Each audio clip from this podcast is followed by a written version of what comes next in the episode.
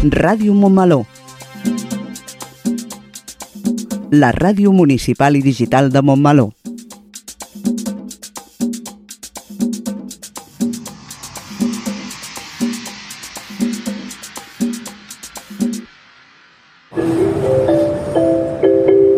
Propera parada, Montmeló.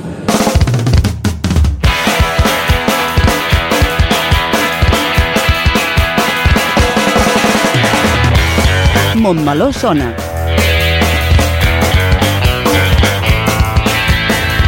El magazín informatiu de Ràdio Montmeló.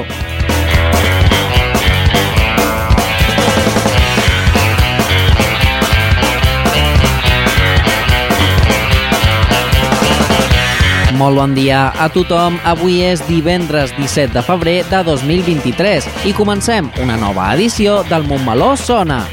Programa número 57.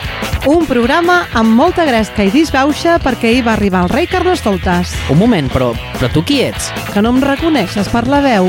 Soc l'Olga. Ah, és que amb la disfressa que portes no et coneixia.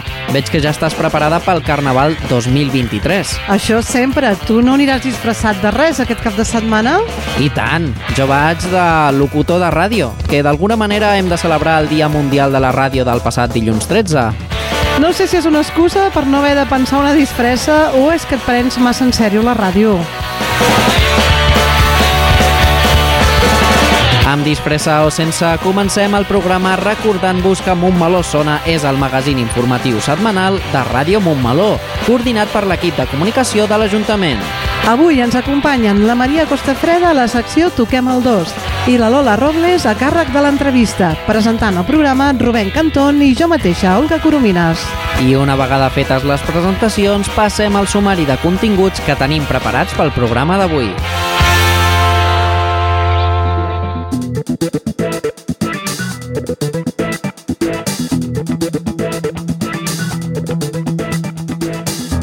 Primer de tot, tenim a l'estudi a la Maria Costafreda, en la secció Toquem el 2. En aquesta ocasió, toquem el 2 no gaire lluny de casa. Ens quedem a Montmeló per parlar del Ball de Gitanes. Després iniciarem el nostre bloc informatiu amb les notícies més destacades de la setmana a Montmeló i l'agenda d'actes que podrem gaudir els propers dies. Continuem amb el nostre apartat d'entrevistes, on la Robles parlarà amb la Maria José Pérez de Ràdio Granollers, aprofitant la celebració el passat dilluns 13 del Dia Mundial de la Ràdio. Acabarem amb música perquè els alumnes de l'Escola Municipal de Música ens porten un nou als hits de l'Escola de Música. I aquí acabarem el nostre programa d'avui i com ja sabeu, tot això i alguna cosa més és el que trobarem al Montmeló Sona d'avui 17 de febrer de 2023.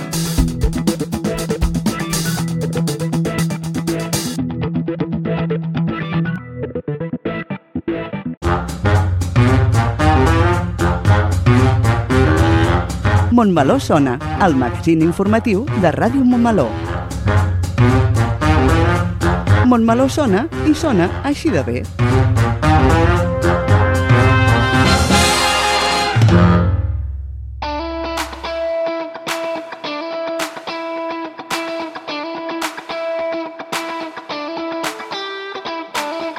Avui també toquem el 2, però tocarem el 2 de les nostres llars, per tal de poder gaudir de la disbauxa del Carnaval de Montmeló per als carrers del nostre municipi. Si bé és cert que els actes ja van començar el passat dissabte 11 de febrer amb la Rua del Carnesplai, el dijous dia 16 amb el Supercarnestoltes, Pregó dels Reis Carnestoltes i avui divendres les escoles Sant Jordi i Pau Casals gaudiran de les seves respectives rues, és aquest cap de setmana que hi ha el plat fort. Demà dissabte amb la Rua de Sa Majestat Carnestoltes, l'exhibició de Carnaval i el Ball de Disfresses i el diumenge el Ball de Disfresses infantil i el Ball de Gitanes de Carnaval. És precisament del Ball de Gitanes que us volem parlar en el Toquem el 2 d'avui, una tradició molt arrelada a Montmeló des de fa molts anys. Què és el Ball de Gitanes? És una dansa tradicional de moviment viu, que es balla pels vols del Carnaval. Hi ha diverses formes de ballar-la. En general la conformen diverses danses. Cadascuna té un nom, una música i una coreografia pròpia i diferent. El xotis, la catxutxa, els tres seguits, la jota, la masurca, tots caracteritzats per un moviment constant i els punts de dansa saltants. Els balladors solen acompanyar la melodia en repic de castanyoles té el seu origen al segle XVIII, en les ballades dels gitanos que celebraven casaments, tant en comarques catalanes com en valencianes, a Tarragona, al Vendrell o Vilafranca del Penedès, entre d'altres. A València és conegut com a Vall de les Magranes. Per saber més aspectes de la colla de gitanes de Montmeló, parlem amb la Rosa Torres, que ens farà un petit repàs a la tradició de la història de la colla al nostre municipi. Bon dia, Rosa, què tal? Hola, bon dia. Què tal? Jo molt bé. Bé, doncs moltíssimes gràcies per atendre el telèfon de Ràdio Montmeló. Gràcies a vosaltres. Per què és tradicional que el ball de gitanes es balli pels vols del Carnaval? Mm, Sempre havia sentit dir que mm, eh, quan ja les ballava el meu avi, era mm, el ball de gitanes de, de grups de gitanos que venien probablement a passar per al Vallès en ruta cap a Bontafós, que potser eren els que portaven una miqueta d'animació i de festa i del que fos per sortir de la rutina de les feines del camp. I igual quan passaven per aquí era els vols de, de carnaval. Llavors suposo que com que hi havia les feines del camp donaven temps i treva per, per poder-se dedicar a assajar i a preparar coses, doncs ja els anava bé aquest temps per, per ballar gitanes, comptant doncs, amb el temps que es tarda a assajar abans i tal i qual. I sempre les divises per carnaval. Qui era el noi de l'estanc i què va significar per la colla de gitanes de Montmeló? El noi de l'estanc era el meu avi, havia nascut ell el 1892 i ell de petit ja n'havia ballat. O sigui, no et sé dir des de quan realment es ballaven gitanes a Montmeló, però això, o sigui, des del 1892 segur. I llavors ell, doncs, de, de jove, eh, sí que mm, van intentar recuperar-ho perquè com alts i baixos que hi ha amb aquestes coses s'havien perdut Uh -huh. i sí, vull dir, mm, amb el pare de la- de la- de l'Antonieta de, de la farmàcia van aconseguir eh, tornar a recuperar com es ballava, com es feia, i van tornar a engegar una altra vegada gitanes. I es van tornar a posar. I llavors, més endavant, també doncs, a l'època dels meus pares també se n'havia ballat, i va haver-hi un peron d'uns anys bastant llarg. Ah, Llavors vam tornar a començar la colla dels que havien ballat eh, amb mi quan, quan jo era jove i llavors doncs, els altres més joves, que, que són els que ara són els grans, que ja comencen a tenir una colla d'anys també. Però bueno, el temps passa. Eh, què diries a la gent jove per tal que s'animi a seguir ballant a la colla de gitanes de Montmeló? Bé, les, les gitanes són, com dic jo a vegades, són un sentiment. Un cop que has ballat gitanes, la música t'atrapa i has de tornar. Sí que és veritat que avui en dia, per les activitats que hi ha, mm, per lo ocupat que tenim el temps entre tots plegats, tothom al sortir de l'escola fa activitat. El qui no va anglès va a classe de no sé què i si no música. Llavors costa molt trobar temps perquè molta colla coincideixin en un espai per poder fer el mateix. A part de, de trobar hores i de trobar hores que no els pares els hi vagi bé i tot això, un cop, un cop comencen a ballar gitanes, les gitanes atrapen. El que és més difícil és trobar nois. Mhm. Suposo perquè els estira més al futbol o a l'esport o el que sigui i costa, costa trobar hores que es puguin compaginar per fer-ho tot. Doncs moltíssimes gràcies, Rosa Torres, per donar-nos les teves impressions i per recordar el temps de, dels gitanes, de quan el teu avi ja era ballador i perquè ens hagis explicat una petita història del que és el ball de gitanes al nostre poble. Quan vulgueu, a disposar. Moltíssimes gràcies, Rosa. Vale, a vosaltres. Adeu. Adéu. Si la Rosa Torres ens ha parlat de la història de la colla de gitanes de Montmeló, també volem saber com viuen i gaudeixen les balladores de la colla mitjana al món gitanero. Uh, des de quan balla gitanes? Hola, sóc l'Arlet, tinc 10 anys i vaig començar a ballar des de 6 anys. Hola, em dic Dúnia, tinc 11 anys i vaig començar a ballar quan tenia 9 anys. Hola, em dic Neus, tinc 12 anys i vaig començar a ballar gitanes. Amb 5 anys ho vaig deixar i ara he tornat. Hola, sóc la Lola, tinc 12 anys i vaig començar a ballar gitanes amb 5 anys. Ho vaig deixar i he tornat. Hola, em dic Aina, jo vaig, jo vaig començar a ballar gitanes als 5 anys. Hola, em dic Elna, tinc 11 anys i ballo gitanes des del 4. Hola, em dic Lucía, tinc 11 anys i ballo gitanes des dels 5. Hola, em dic Carla i ballo gitanes des dels 5 anys. Doncs bé, i per què són per vosaltres les gitanes? Per mi és, és un, una, un tipus de ball molt bonic. Per mi, les gitanes és una dansa tradicional que m'estimo molt perquè fa molts anys que la ballo i m'ho he passat molt bé ballant-la. Per mi, les gitanes és un ball que m'aprecio molt perquè tota la meva família l'ha ballat i ara jo també l'estic Les gitanes són una dansa tradicional, molt xula i que recomano ballar. Eh, és molt xulo ballar-les. La gitanes és una dansa molt tradicional per ballar i és molt divertida. I llavors per què les balleu vosaltres? Ja heu dit que són divertides, però per què? Què us va cridar a ballar-les? Perquè les meves amigues estaven i les venia a veure a plaça i em va agradar i em vaig apuntar. No me'n recordo. Pues perquè la meva tieta també balla i em va agradar. Perquè el meu pare balla des de fa molt de temps, ho va deixar, va tornar i a mi em va fer gràcia, no? doncs em feia il·lusió i ara m'encanta. Eh, perquè m'ho passo molt bé ballant gitanes i perquè penso que és una manera de fer poble. Perquè m'agrada ballar i estar pues, amb gent com de la nostra edat i fer una dansa tradicional és, està molt bé. Perquè me'n recordo que quan tenia dos anys vaig voler ballar a, a pista amb les gitanes i, i em va agradar i m'hi vaig apuntar. I què diríeu a la gent perquè s'apunti a ballar gitanes? Per què és xulo ballar gitanes? Perquè passes una, una estona ballant i a part que és tradicional i, i fas poble.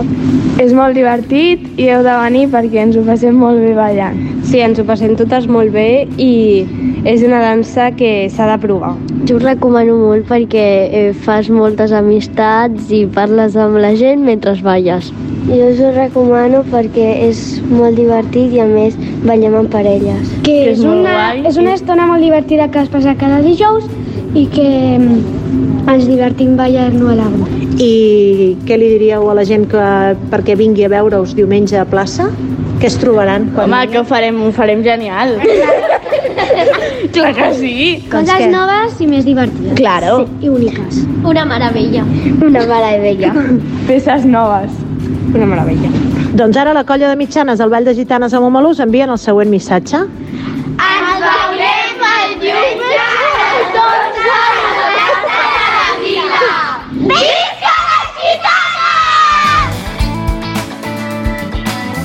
Esperem que mai manqui la cantera per poder seguir amb aquesta dansa tradicional tan arrelada a Montmeló.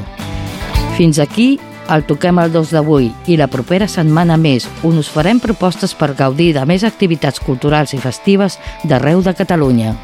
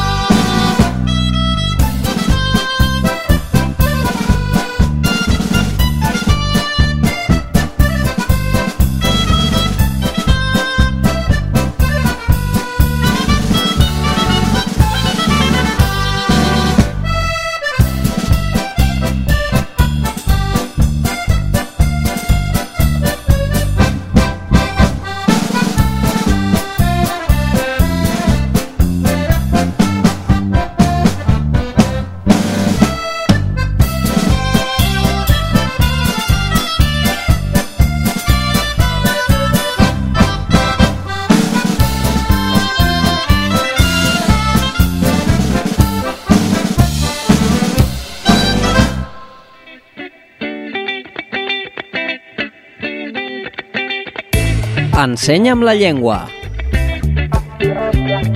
Un programa de l'oficina de català amb Susana Corxo. El tercer divendres de cada mes a les 5 de la tarda.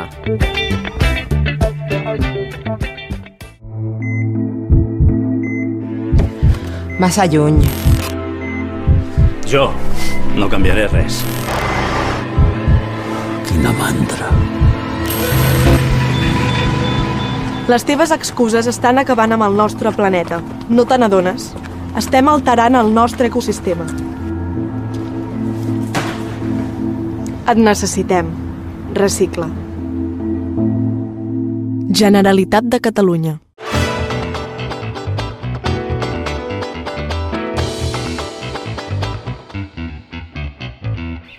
Entrem en el nostre bloc informatiu Crònica de Montmeló i donem pas una vegada més a les notícies locals més importants d'avui divendres 17 de febrer de 2023. Aquest és el sumari.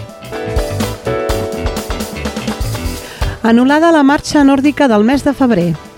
21 de febrer, Dia Internacional de la Llengua Materna. Jornades de portes obertes a les escoles de Montmeló a partir del 21 de febrer. Plans d'ocupació 2023 amb contractes més llargs. Un pas més per a la creació del Consell d'Infants de Montmeló. Es crea la Comissió de Treball i Seguiment del futur Pla Local de Prevenció i Atenció a l'Absentisme Escolar.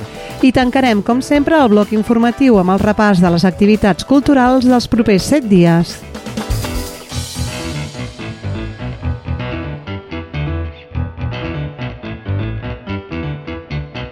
La marxa nòrdica programada per aquest diumenge 19 de febrer ha quedat desconvocada. Com ja és habitual, cada tercer diumenge de mes estava programada una caminada pels camins de Montmeló amb la tècnica de la marxa nòrdica amb bastons.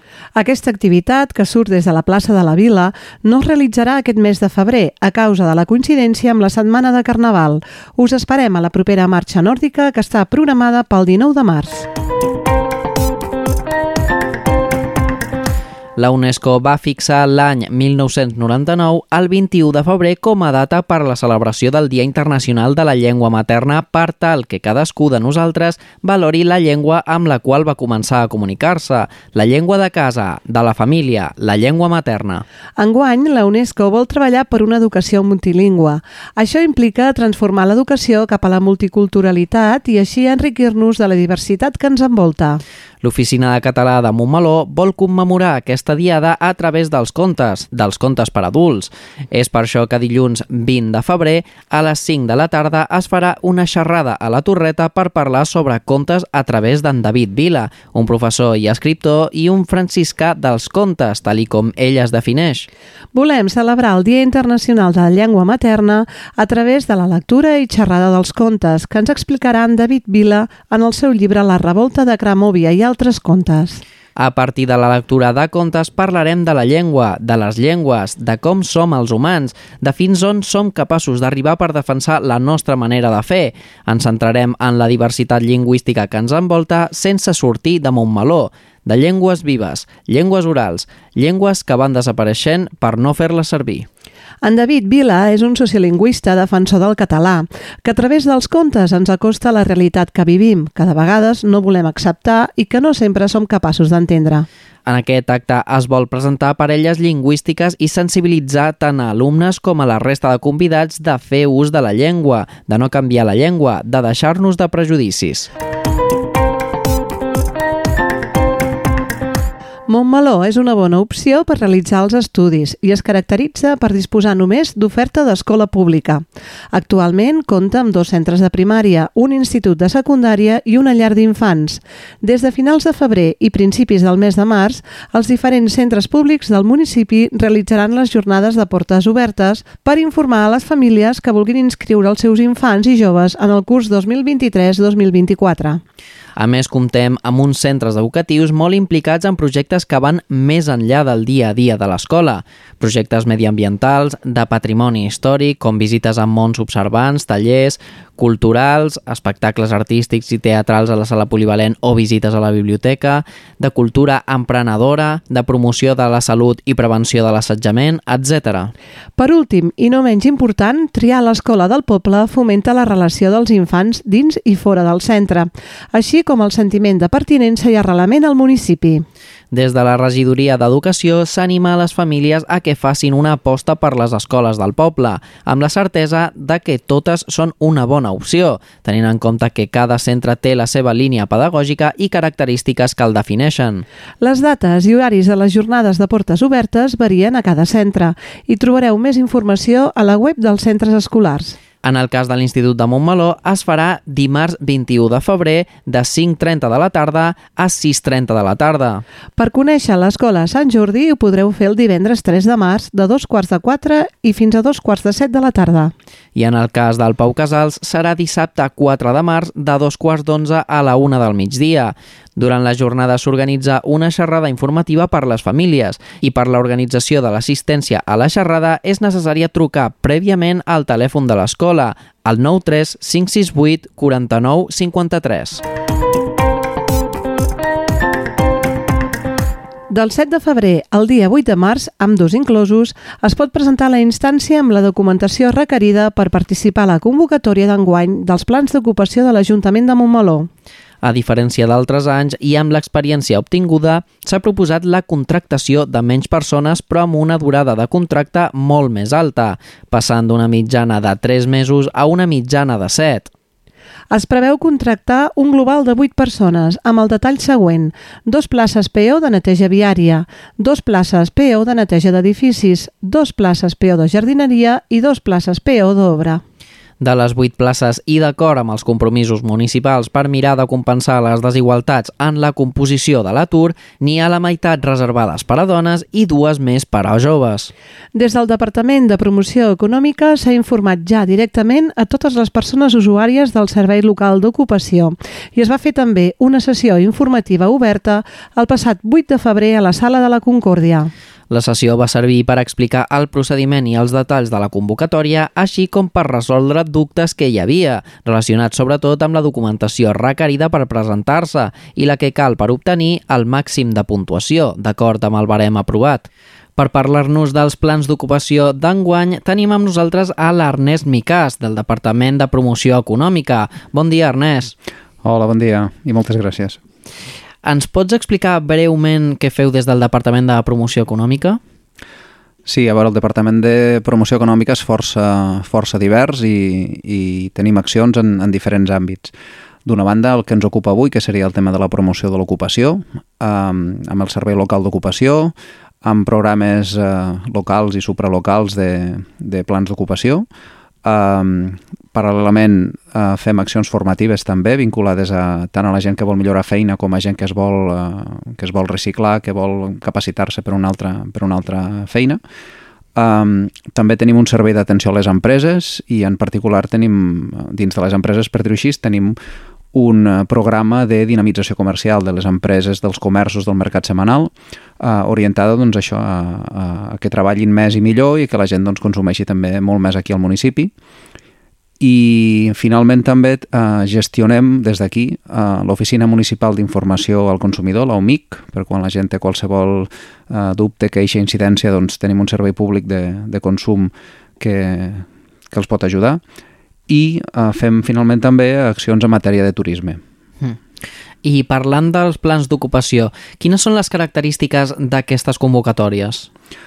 Aquesta és una pregunta que m'agrada molt que em facis perquè hi ha força confusió en aquest sentit. Um, la convocatòria d'un pla d'ocupació, a diferència d'una convocatòria ordinària per entrar a treballar doncs, a qualsevol administració pública, uh, es caracteritza perquè, a més a més de valorar uh, per dir-ho així, uh, com a mèrits, la formació i l'experiència uh, la, laboral, valora també uh, circumstàncies uh, d'especial uh, importància per la gent que, que està en una situació més vulnerable, com pugui mm. ser doncs, l'antiguitat a l'atur, com pugui ser doncs, les càrregues uh, familiars...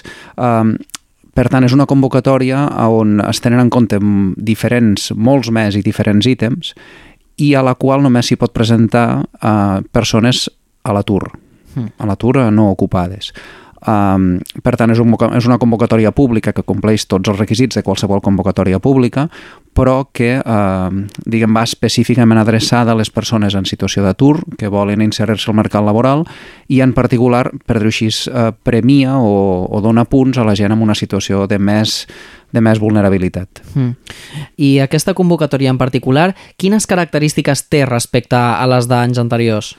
A veure, la convocatòria d'enguany, um, que és similar, per dir-ho des del punt de vista d'estructura dels anys anteriors, um, té d'una banda l'especificitat, la, la, la gran característica més destacable, per així, és la durada dels contractes.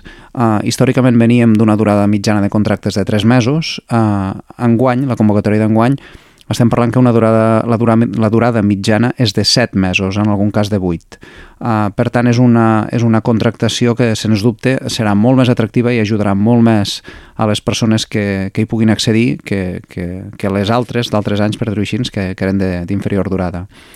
Aleshores, des del punt de vista de places, estem parlant que s'ofereixen 8 places, totes de suport a la brigada municipal, um, que en serien dues per eh, PO de jardineria, dues per PO d'obres o de construcció, dues més per PO de neteja viària i dues per eh, PO de neteja d'edificis.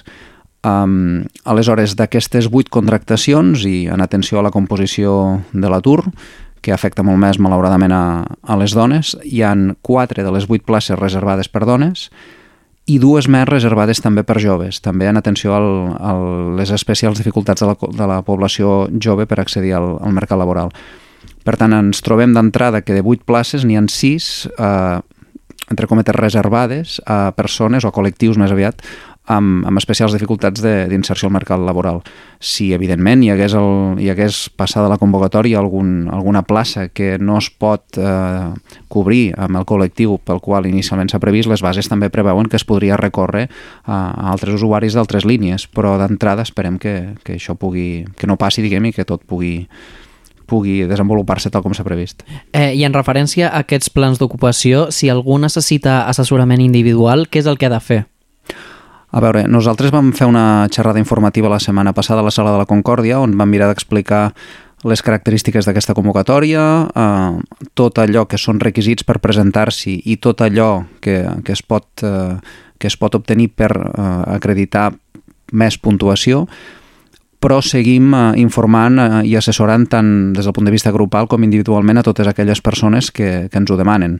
Uh, nosaltres, qualsevol persona que, que, que necessiti ajuda pot contactar amb, el, amb, amb nosaltres, amb el Servei Local d'Ocupació del Departament, uh, se li donarà cita prèvia i, i se l'atendrà individualment amb, com, amb, amb, amb la demanda que cadascú doncs, pugui formular que habitualment la gent amb el que té dificultats és per obtenir alguna documentació que, diguem, que, que pots utilitzar per, per això, perquè et donguin punts. I teniu algun sistema de comunicació directa amb les, person amb les persones usuàries del vostre servei? Què és el que cal fer per formar-ne part?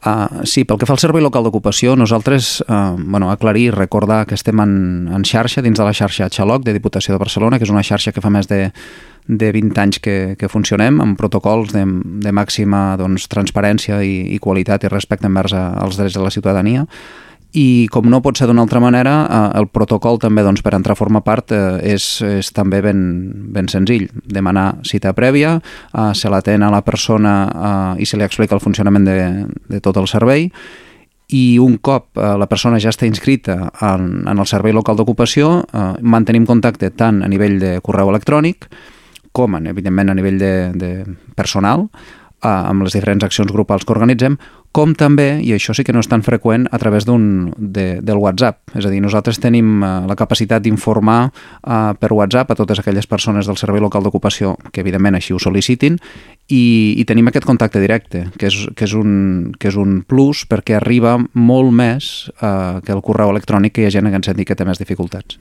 Doncs moltes gràcies, Ernest, per passar-te per l'emissora. Moltes gràcies a vosaltres. El passat octubre, els nens i nenes de quart i cinquè de les escoles Sant Jordi i Pau Casals de Montmeló van fer el primer taller de coneixença del Consell d'Infants, el que va ser el tret de sortida a la creació d'aquest Consell Municipal, que té com a únics protagonistes els nens i les nenes de Montmeló. La posada en comú dels resultats d'aquests tallers, així com la celebració oberta del Dia Internacional dels Drets dels Infants, van ser els actes que varen tancar la primera fase del projecte i els quals donen pas als següents. Així doncs, la propera fase en el projecte de creació del Consell d'Infants de Montmeló passa per la creació d'una comissió de seguiment en l'elaboració del reglament del Consell d'Infants de Montmeló, en la qual l'Ajuntament està treballant, així com amb la definició del marc de referència que ha d'acollir el reglament. En tot aquest procés, tots i totes les ciutadanes de Montmeló poden fer arribar els seus suggeriments o opinions a través del correu consellinfants.montmeló.cat. L'Ajuntament de Montmeló, amb el suport tècnic de la Diputació de Barcelona, ha engegat el procés d'elaboració del qual serà el Pla Local de Prevenció i Atenció a l'Absentisme Escolar. Es tracta d'un document estratègic que té per objectiu fer una diagnosi i definir el circuit de prevenció, detecció i intervenció davant les situacions d'absentisme que poden afectar els diferents centres escolars del municipi. El passat 14 de febrer es va celebrar la trobada per la creació de la Comissió de Treball i Seguiment del Pla Local de Prevenció i Atenció a l'Absentisme Escolar, la qual està formada per les directores dels dos centres d'educació primària del municipi, el director de l'Institut de Montmeló, la inspectora d'Educació Territorial i el personal tècnic i polític dels departaments d'Educació, Serveis Socials i Joventut, amb les respectives regidories. Entre els temes tractats i les propostes parlades, tots els agents educatius implicats coincideixen en la importància de poder tenir un marc de referència, compartit amb el que és unir esforços i recursos per abordar l'absentisme escolar i, sobretot, prevenir i actuar en els contextos educatius per garantir la igualtat d'oportunitats entre els infants i joves i la qualitat educativa.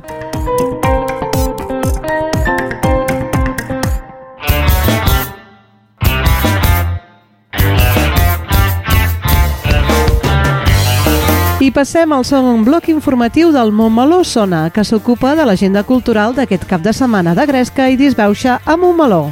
Després de l'arribada del rei Carnestoltes ahir dijous i la instauració del regnat de la Gresca i la Disbauxa avui divendres 17, és el torn de les escoles de primària. A les 3 de la tarda, l'alumnat de l'Escola Sant Jordi farà una rua amb sortida a l'escola i passarà pels carrers Lluís Companys, carrer Major, Timbaler del Bruc, plaça d'Europa, carrer Maragall, carrer Francesc Macià, carrer Palai i tornada a l'escola. Un quart d'hora més tard, a un quart de quatre, serà l'alumnat de l'escola Pau Casals qui sortirà del centre per fer una rua pels carrers Prat de la Riba, Cervantes, Carrer Nou, Avinguda Vilar de Bo i tornada a l'escola. Dissabte 18, a partir de les 11 del matí i fins a les 2 de la tarda, Mons Observants obre les seves portes per poder visitar lliurement el jaciment. L'entrada és gratuïta. A les 6 de la tarda arriba la Rua de Sa Majestat al rei Carnestoltes. La rua sortirà de l'Avinguda del Milenari i passarà pels carrers Luis Chamizo, Sant Cris de la Grua, carrer Major, carrer Timbaler del Bruc, carrer Diputació, passeig Corts Catalanes i final a la plaça de la Quintana. Recorda que si vols participar a la rua i desfilar davant del jurat, cal que t'inscriguis prèviament. Si només vols seguir a Sa Majestat el rei Carnestoltes, pots afegir-te a la comparsa del cul de sac del rei Carnestoltes o a la comparsa de l'estació jove. Un cop arribats a la Quintana es farà la tradicional exhibició de Carnaval. Les comparses, grups i parelles que s'hagin inscrit desfilaran davant de Sa Majestat el rei Carnestoltes i els seus ministres, i les disfresses més elaborades i els que siguin més engrescadors rebran un reconeixement.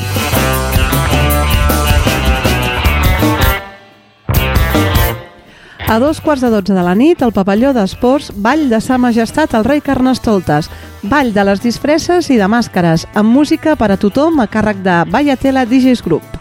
L'aforament és limitat i es podrà entrar al pavelló fins les dues de la matinada. A partir d'aquella hora no es permetrà l'entrada. L'entrada per les persones disfressades i menors de 12 anys és gratuïta. Les persones que no vagin disfressades hauran de pagar 3 euros. A partir d'aquest carnaval, Montmeló se suma a la campanya Oh My God. Participa-hi i porta el teu got a la festa.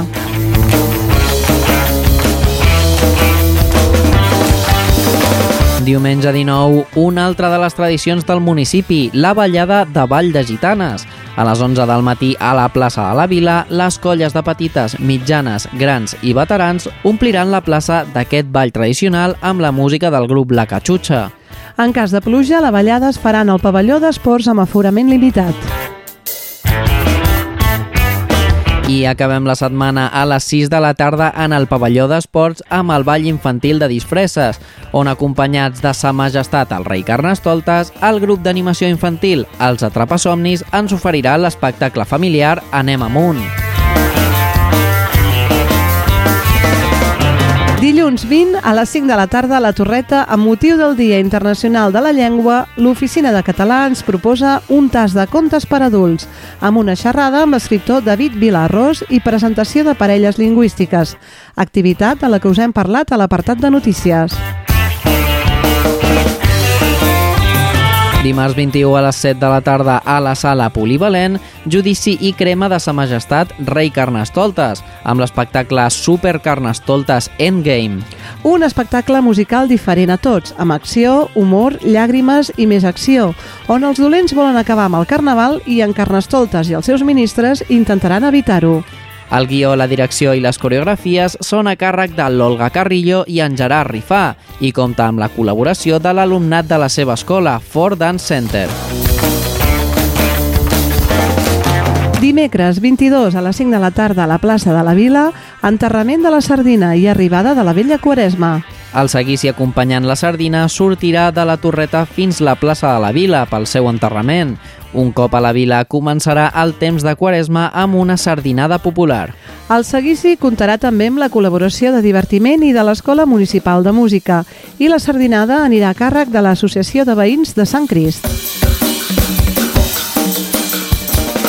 I tanquem setmana i aquest repàs amb els actes previstos per divendres i dissabte vinent.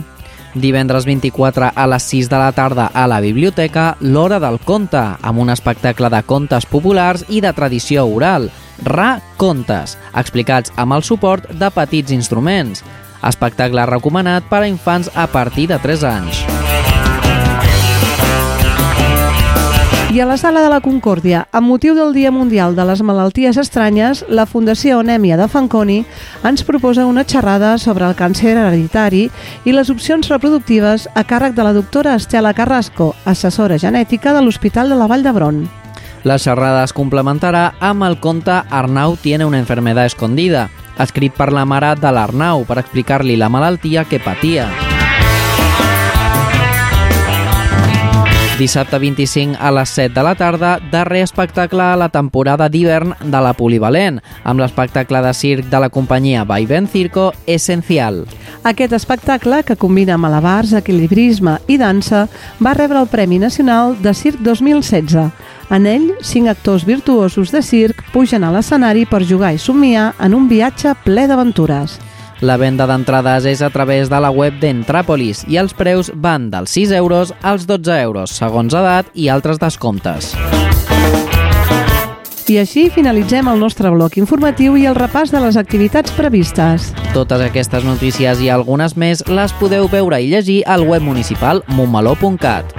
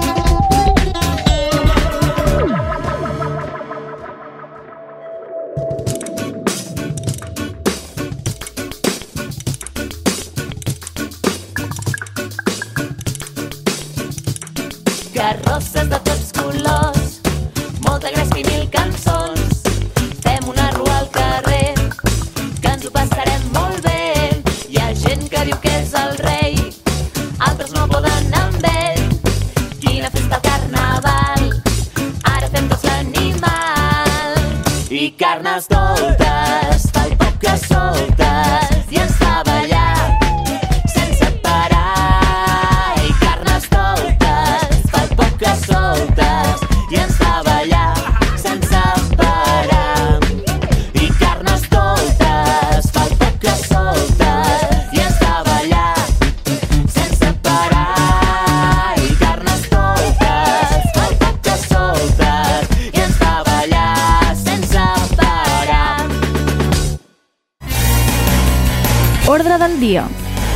Bimensual de debat amb la participació dels portaveus de les formacions polítiques on comentarem temes d'actualitat del municipi.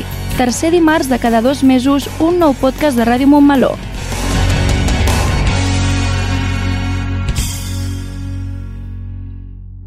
Et fa mandra reciclar, oi? Tant et costa? Tan lluny estan els contenidors? Dius que no tens temps per reciclar, però la veritat és que ja no ens queda temps per no reciclar. No reciclar paper i cartró provoca desforestació, sequera, emissions de CO2. Reacciona.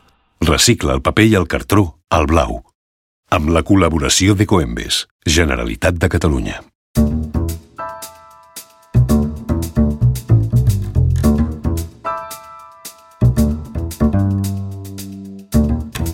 Dilluns passat es va commemorar el Dia Mundial de la Ràdio.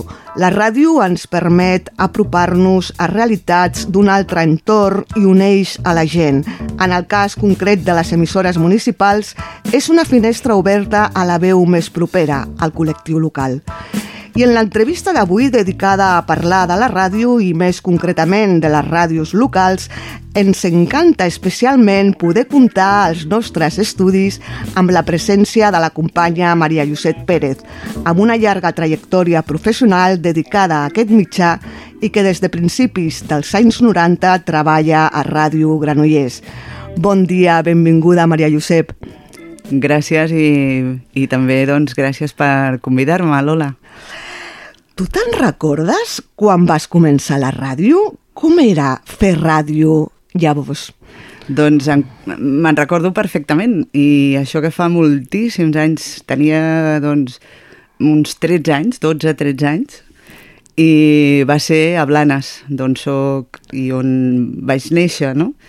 I va ser, doncs, eh, amb un programa infantil que feia justament la Fina Brunet, que ara està a TV3, o han estat a TV3 molt temps, però feia un programa infantil que trucaven els nens, que era molt típic, sempre a les emissores que hi hagués el, el típic programa infantil que trucaven els nens i demanaven la cançó.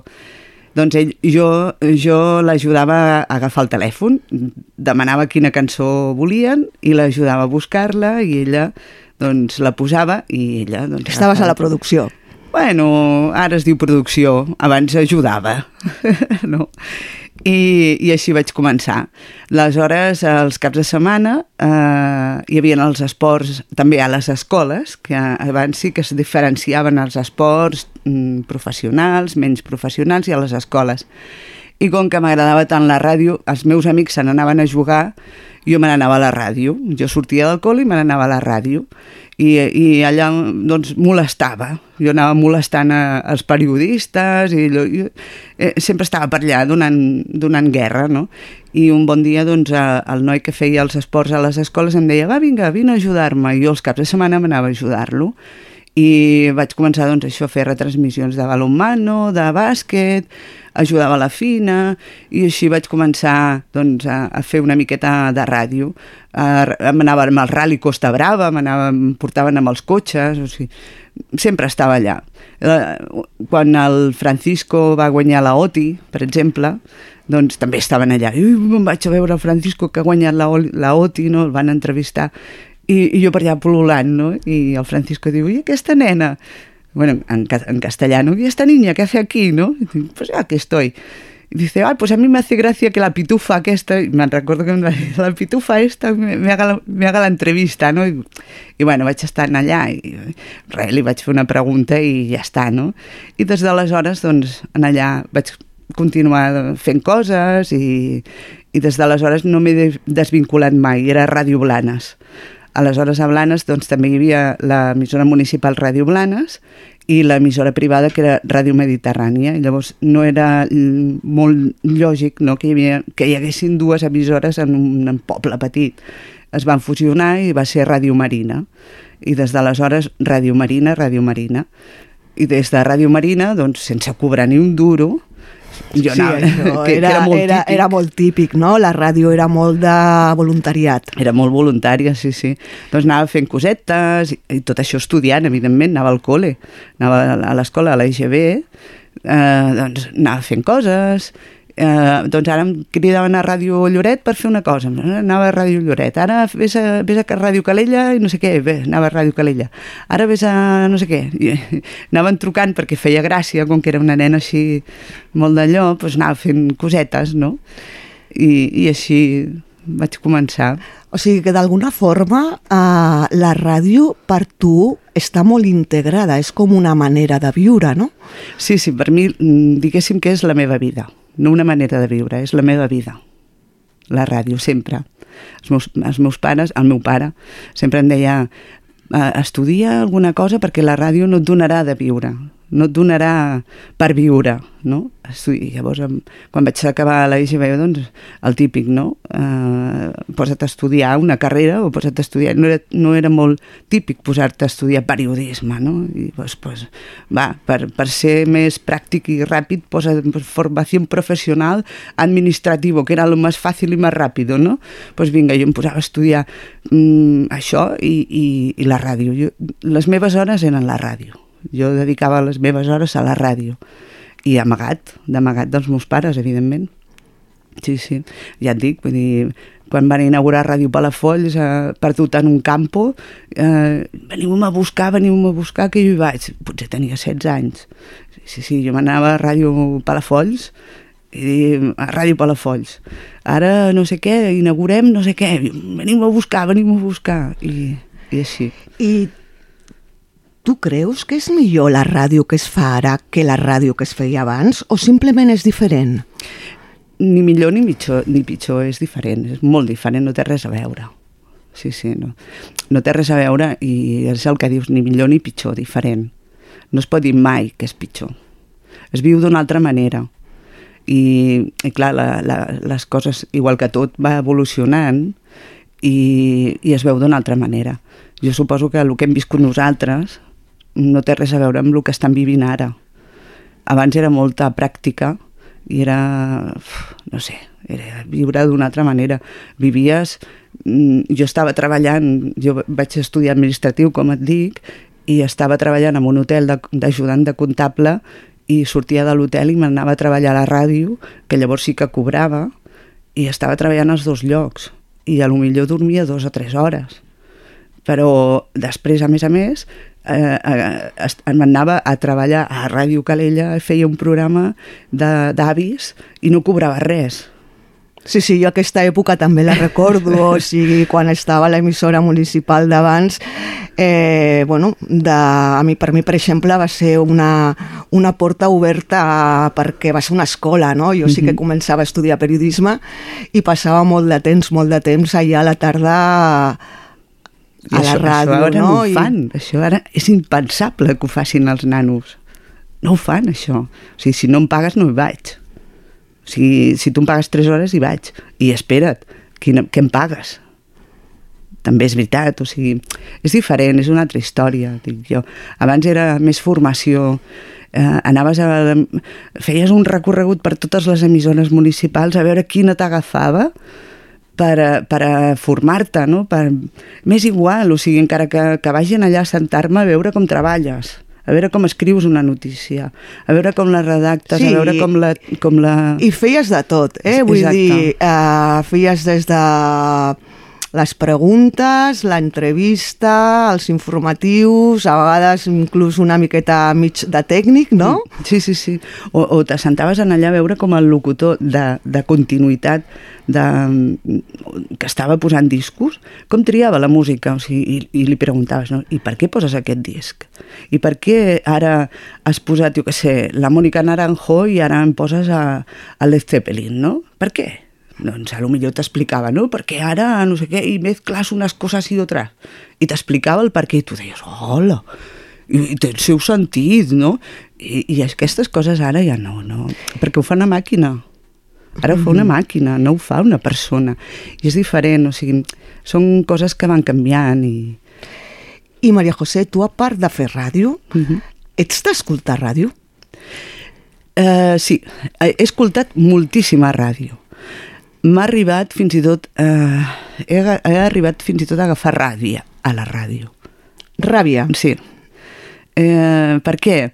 Perquè mm, he pensat en això, no? En dir, mm, ja no és ràdio, ja no és la ràdio que es feia abans.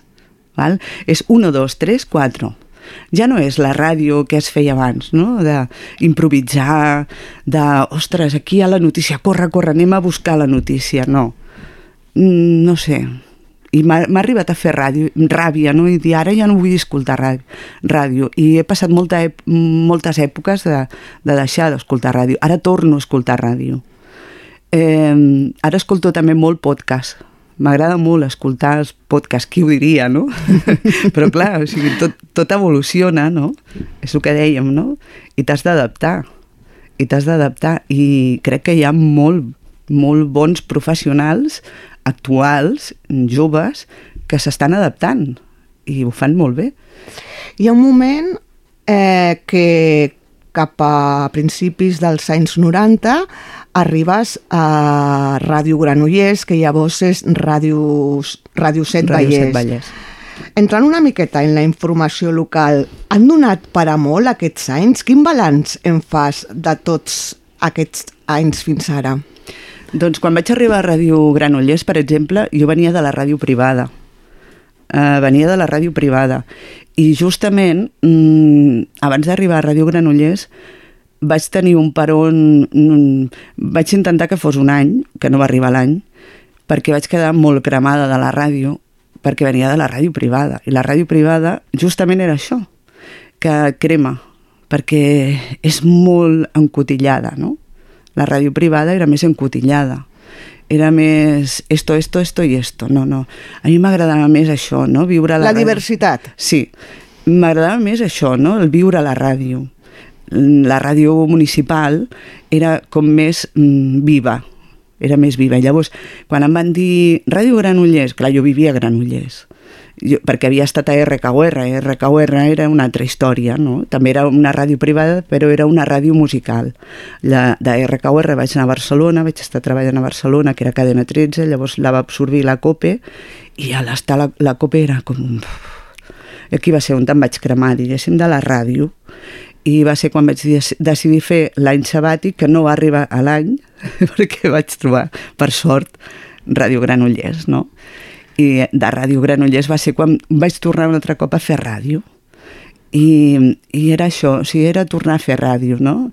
Sortir al carrer, fer festes majors, eh, la Fira de l'Ascensió, a l'improvisar. O sigui, aquí et pagaven unes hores, però és igual, o sigui, donava igual, o sigui, si et pagaven 3 hores i feies 9 hores, és que no t'importava, era igual perquè tornaves a fer ràdio, tornaves a fer carrer, tornava i era, no sé, era la ràdio municipal, no? Era, e, e, era escola i a lo millor érem quatre que treballàvem i que cobràvem, però érem com 20 persones que treballaven i érem un equip, no? Era, no sé, era, e, era un altre món, era tornar a fer ràdio. I com diries tu que ha canviat la comunicació local durant tot aquest temps? Mm, com ha anat evolucionant? Ai, no ho sé, perquè de mica en mica s'ha anat com refredant, no? S'ha anat com... No sé per què ha estat... Mm, és que no ho sé, però ha sigut... Ha estat com un... De mica en mica s'ha anat refredant. No, no, no sé quin ha estat el motiu, no t'ho sabria dir. Què passem més, o es passen més hores dintre de... A, a, a l'interior, dintre de la redacció, sí. que no pas fora al carrer. al carrer? Sí. S'ha anat com refredant tot, no? I aquella immediatesa que té la ràdio s'està perdent? Sí, jo crec que sí, que ens hem anat com...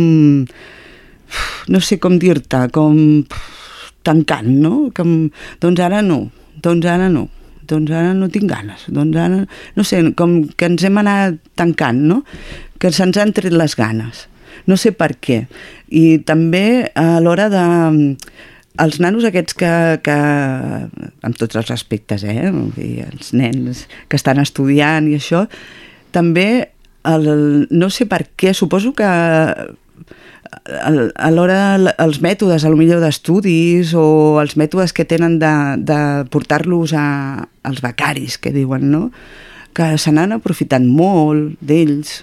No sé, no sé, alguna cosa ha passat que no és el mateix d'abans perquè els becaris que venen ara, no? pues, uh, s'estan tres mesos i no sé què, i no, no és el mateix. Vale? Sembla com que saben més que tu. O sigui, no es viu possiblement amb No. la mateixa passió No, jo crec que no. pel que estàs explicant que Jo- tu havies viscut abans. No, jo crec que no. Perquè venen com que vienen ja ensenyados. No, a veure, no. No, no, no m'has de venir tu a ensenyar a mi res. O sigui, tu vens aquí a aprendre. M'entens? Tu a mi no m'has d'ensenyar res, tu perquè estiguis estudiant, no? O sigui, no tots, eh? Tot s'ha de dir, no tots. Aleshores, eh, no sé, no sé, no... És diferent, és un altre món, és una altra història. Val? No tots, eh? ja ho dic, eh? tots els respectes. Mm, La societat canvia i la ràdio eh, mm, va canviant amb la societat. El canvi més significatiu que ha experimentat la ràdio ha estat l'arribada d'internet, no? Això ha suposat canvis com a emissors i com a receptors de la comunicació. Això com s'ha viscut a Ràdio Granollers? Com s'han hagut d'adaptar els continguts, els espais a aquesta nova tecnologia? Es dissenya diferent ara per a la ràdio, es programa diferent a nivell de continguts... A veure, una miqueta sí, el que passa que més o menys acabem fent el mateix.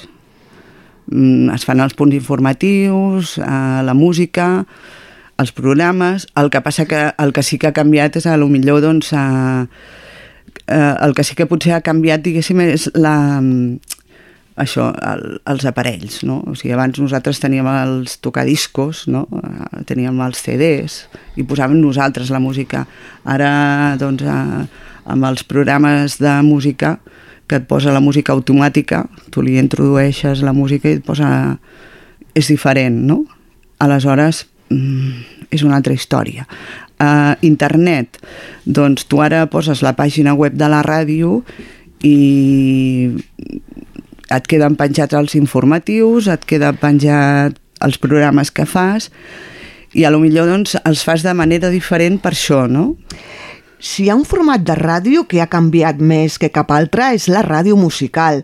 La ràdio musical abans era una ràdio musical parlada uh -huh. i ara pràcticament tot són fórmules, no?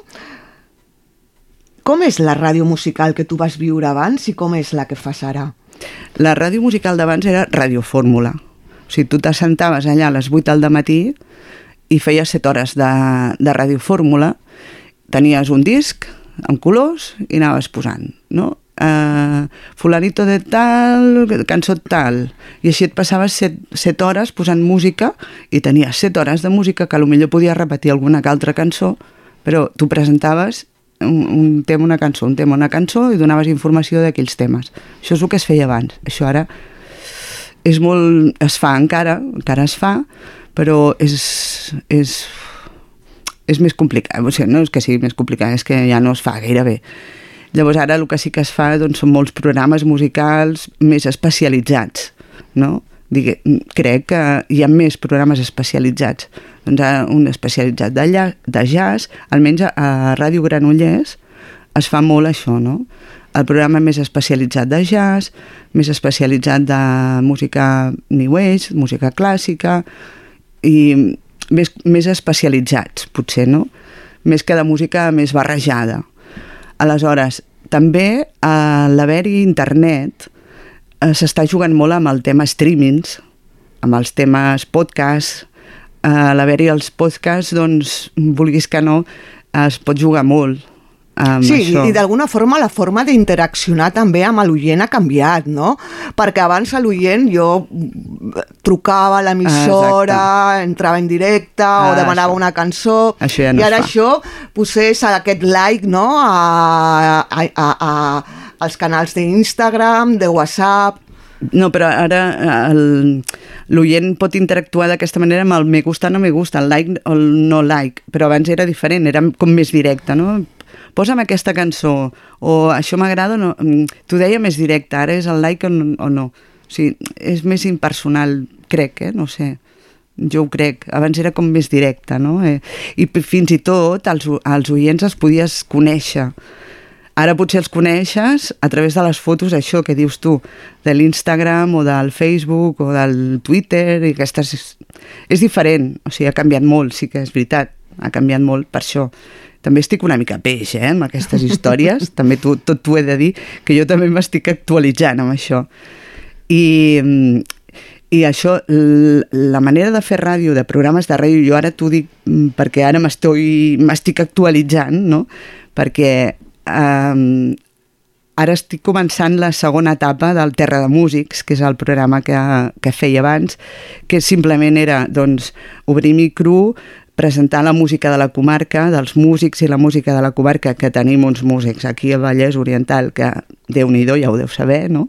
I tothom que ens estigui escoltant tenim un, una cartera de músics que déu nhi i ara doncs faré la segona etapa ja de, del Terra de Músics, eh, i, i ha canviat, i canviarà molt, o sigui, i és que hem de canviar, o sigui, ens hem d'adaptar i, i, i és el que hi ha, ens hem d'actualitzar, sigui com sigui, i, i entra molt el tema aquest d'internet, podcast, streamings, eh, Instagrams, Twitters i totes aquestes coses ja van lligades a la ràdio, o sigui, una ja no miqueta, és només la ràdio. Uh, enllaçant amb això que dius tu, avui dia possiblement és més fàcil escoltar la ràdio. Tens molts dispositius Ah, al exacte. teu abast que t'ho permeten, com per exemple un ordinador, un mòbil, ja no necessites un transmissor. Exacte. Tu creus que aquest és el futur de, de la ràdio que passa pels podcasts?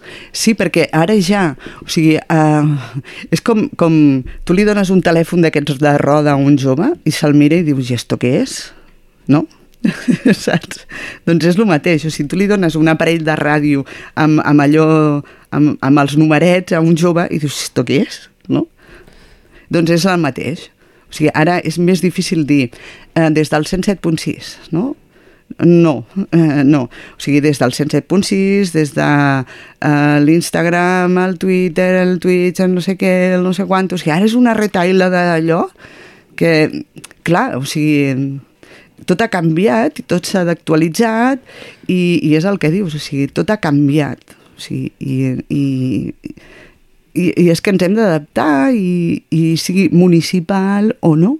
I, i jo crec que, que per aquí hem d'anar i evidentment, vull dir, anirem i ho farem i allà si ens van posant més coses, doncs més coses ens hi posarem i tinguem 50, 60, 70 anys vull dir, i a mi està que m'echen Doncs moltes gràcies, Maria Josep. Ha estat un plaer haver parlat amb tu de ràdio i molta vida al mitjà. Oh, tant, que no s'acabi mai i que el que diem, no? Que el vídeo no mate a l'estrella de la ràdio.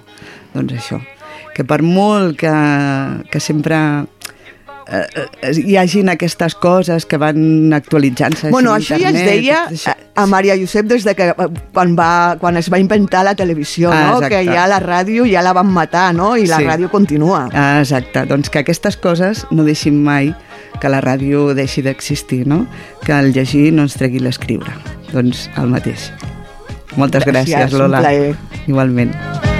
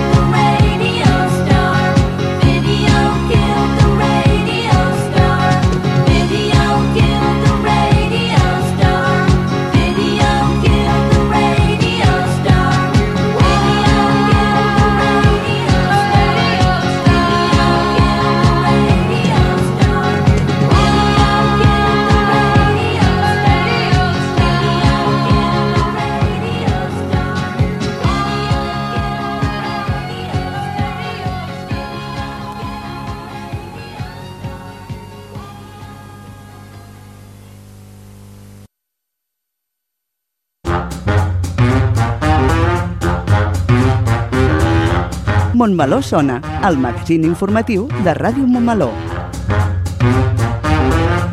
Montmeló sona i sona així de bé.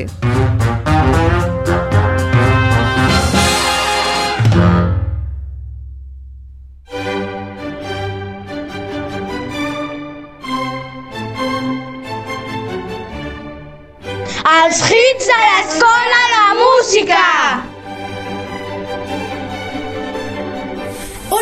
En el programa d'avui us presentarem l'elefant del Carnaval de Sant Dimarts de Camille Saint-Saëns. Elefant està escrit per a contrabaix i piano. I va ser composat l'any 1886. El compositor va planejar l'obra com a broma per un dia de carnestoltes. Va prendre prestada música d'altres compositors i la va posar en un context molt diferent de l'original. L'elefant és la dance de Sylphest d'Hector Berlioz en una tessitura molt més greu que l'original, a manera de solo per al contrabaix. Anem, doncs, a escoltar l'elefant del carnaval dels animals de Camille Saint-Saëns.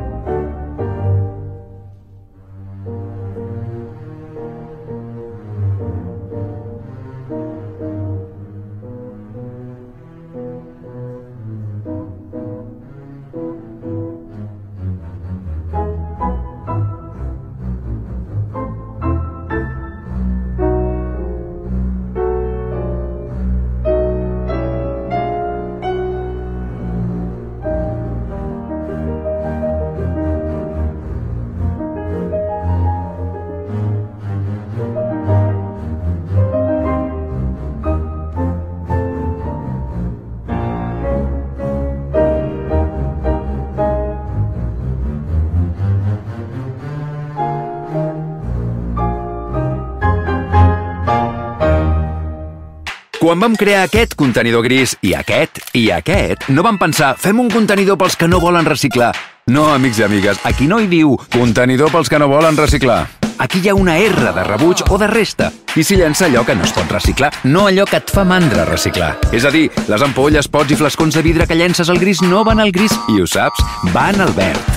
Ciutadania, empreses, institucions, reciclem bé, separem bé. Generalitat de Catalunya. 7 milions i mig de futurs.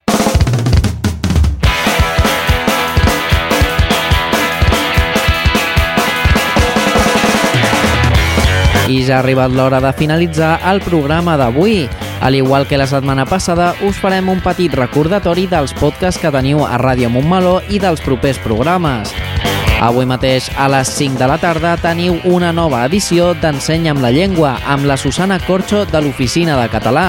Passem a dimarts vinent, dia 21. Els portaveus de les formacions polítiques del consistori hi seran a la nostra emissora, amb un nou programa de Ordre del Dia, el programa bimensual de debat de Ràdio Montmeló a les 17 hores.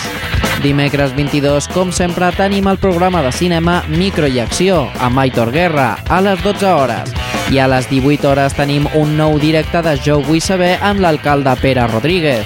Podeu fer-nos arribar les vostres preguntes pel nou programa Jo vull saber del mes de febrer, que es farà en directe a través de l'Instagram dimecres 22 a les 18 hores. Recordem els canals pels quals ens podeu fer arribar les vostres preguntes via correu electrònic a radiomo.montmeló.cat o via WhatsApp al telèfon 637 150 702. I finalment, dijous 23, com cada setmana, el Marçal Pont i el Pablo Sánchez fan un repàs a l'actualitat esportiva amb el Fora de Joc a les 21 hores. I amb tot això marxem, però com ja és costum, us volem recordar que podeu contactar directament amb l'emissora si teniu qualsevol idea, suggeriment o opinió mitjançant el nostre correu radiomo.montmeló.cat o a través del telèfon i WhatsApp 637 150 702. Moltes gràcies a tothom per sentir-nos. Passeu un molt bon cap de setmana i, sobretot, esteu atents a la nostra web perquè Montmeló tornarà a sonar divendres 24 de febrer de 2023 a les 12 hores.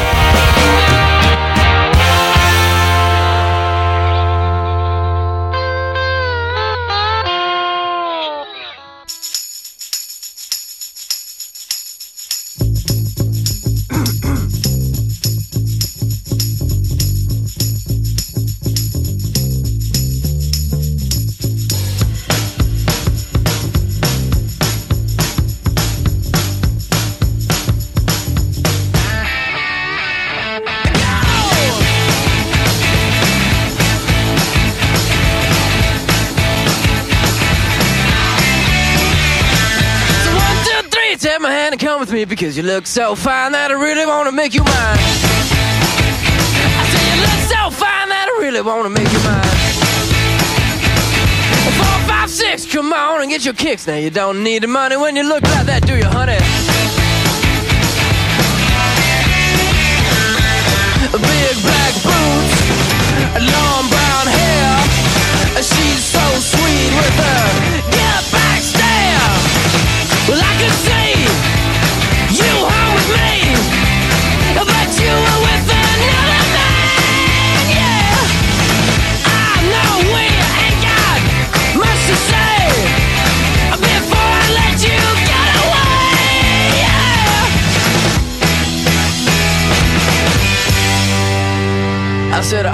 gonna be my girl?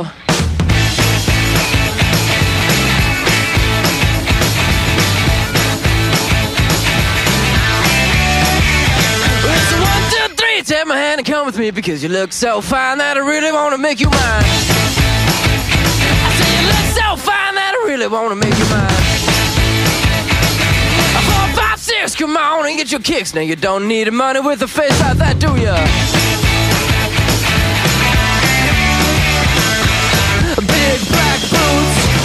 Long.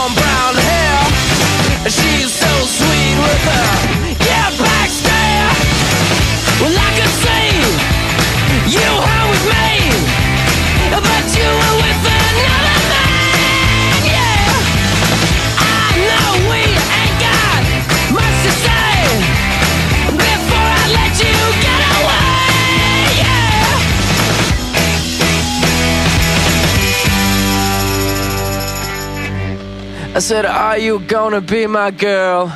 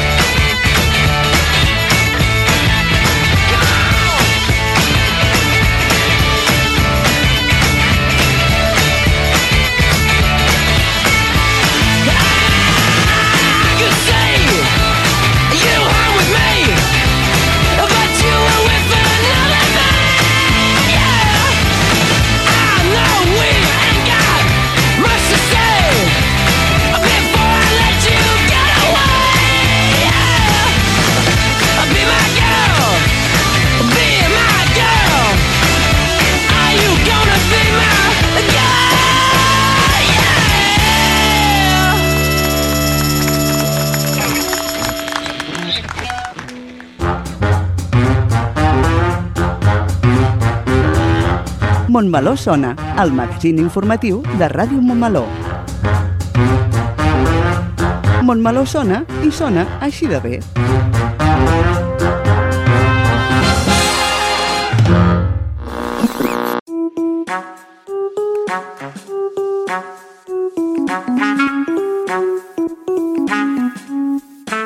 Ràdio Montmeló. Sintonitza'ns al web radiomontmeló.cat i a través de les xarxes d'Instagram, Facebook i Twitter. Ràdio Montmeló, la ràdio municipal i digital de Montmeló.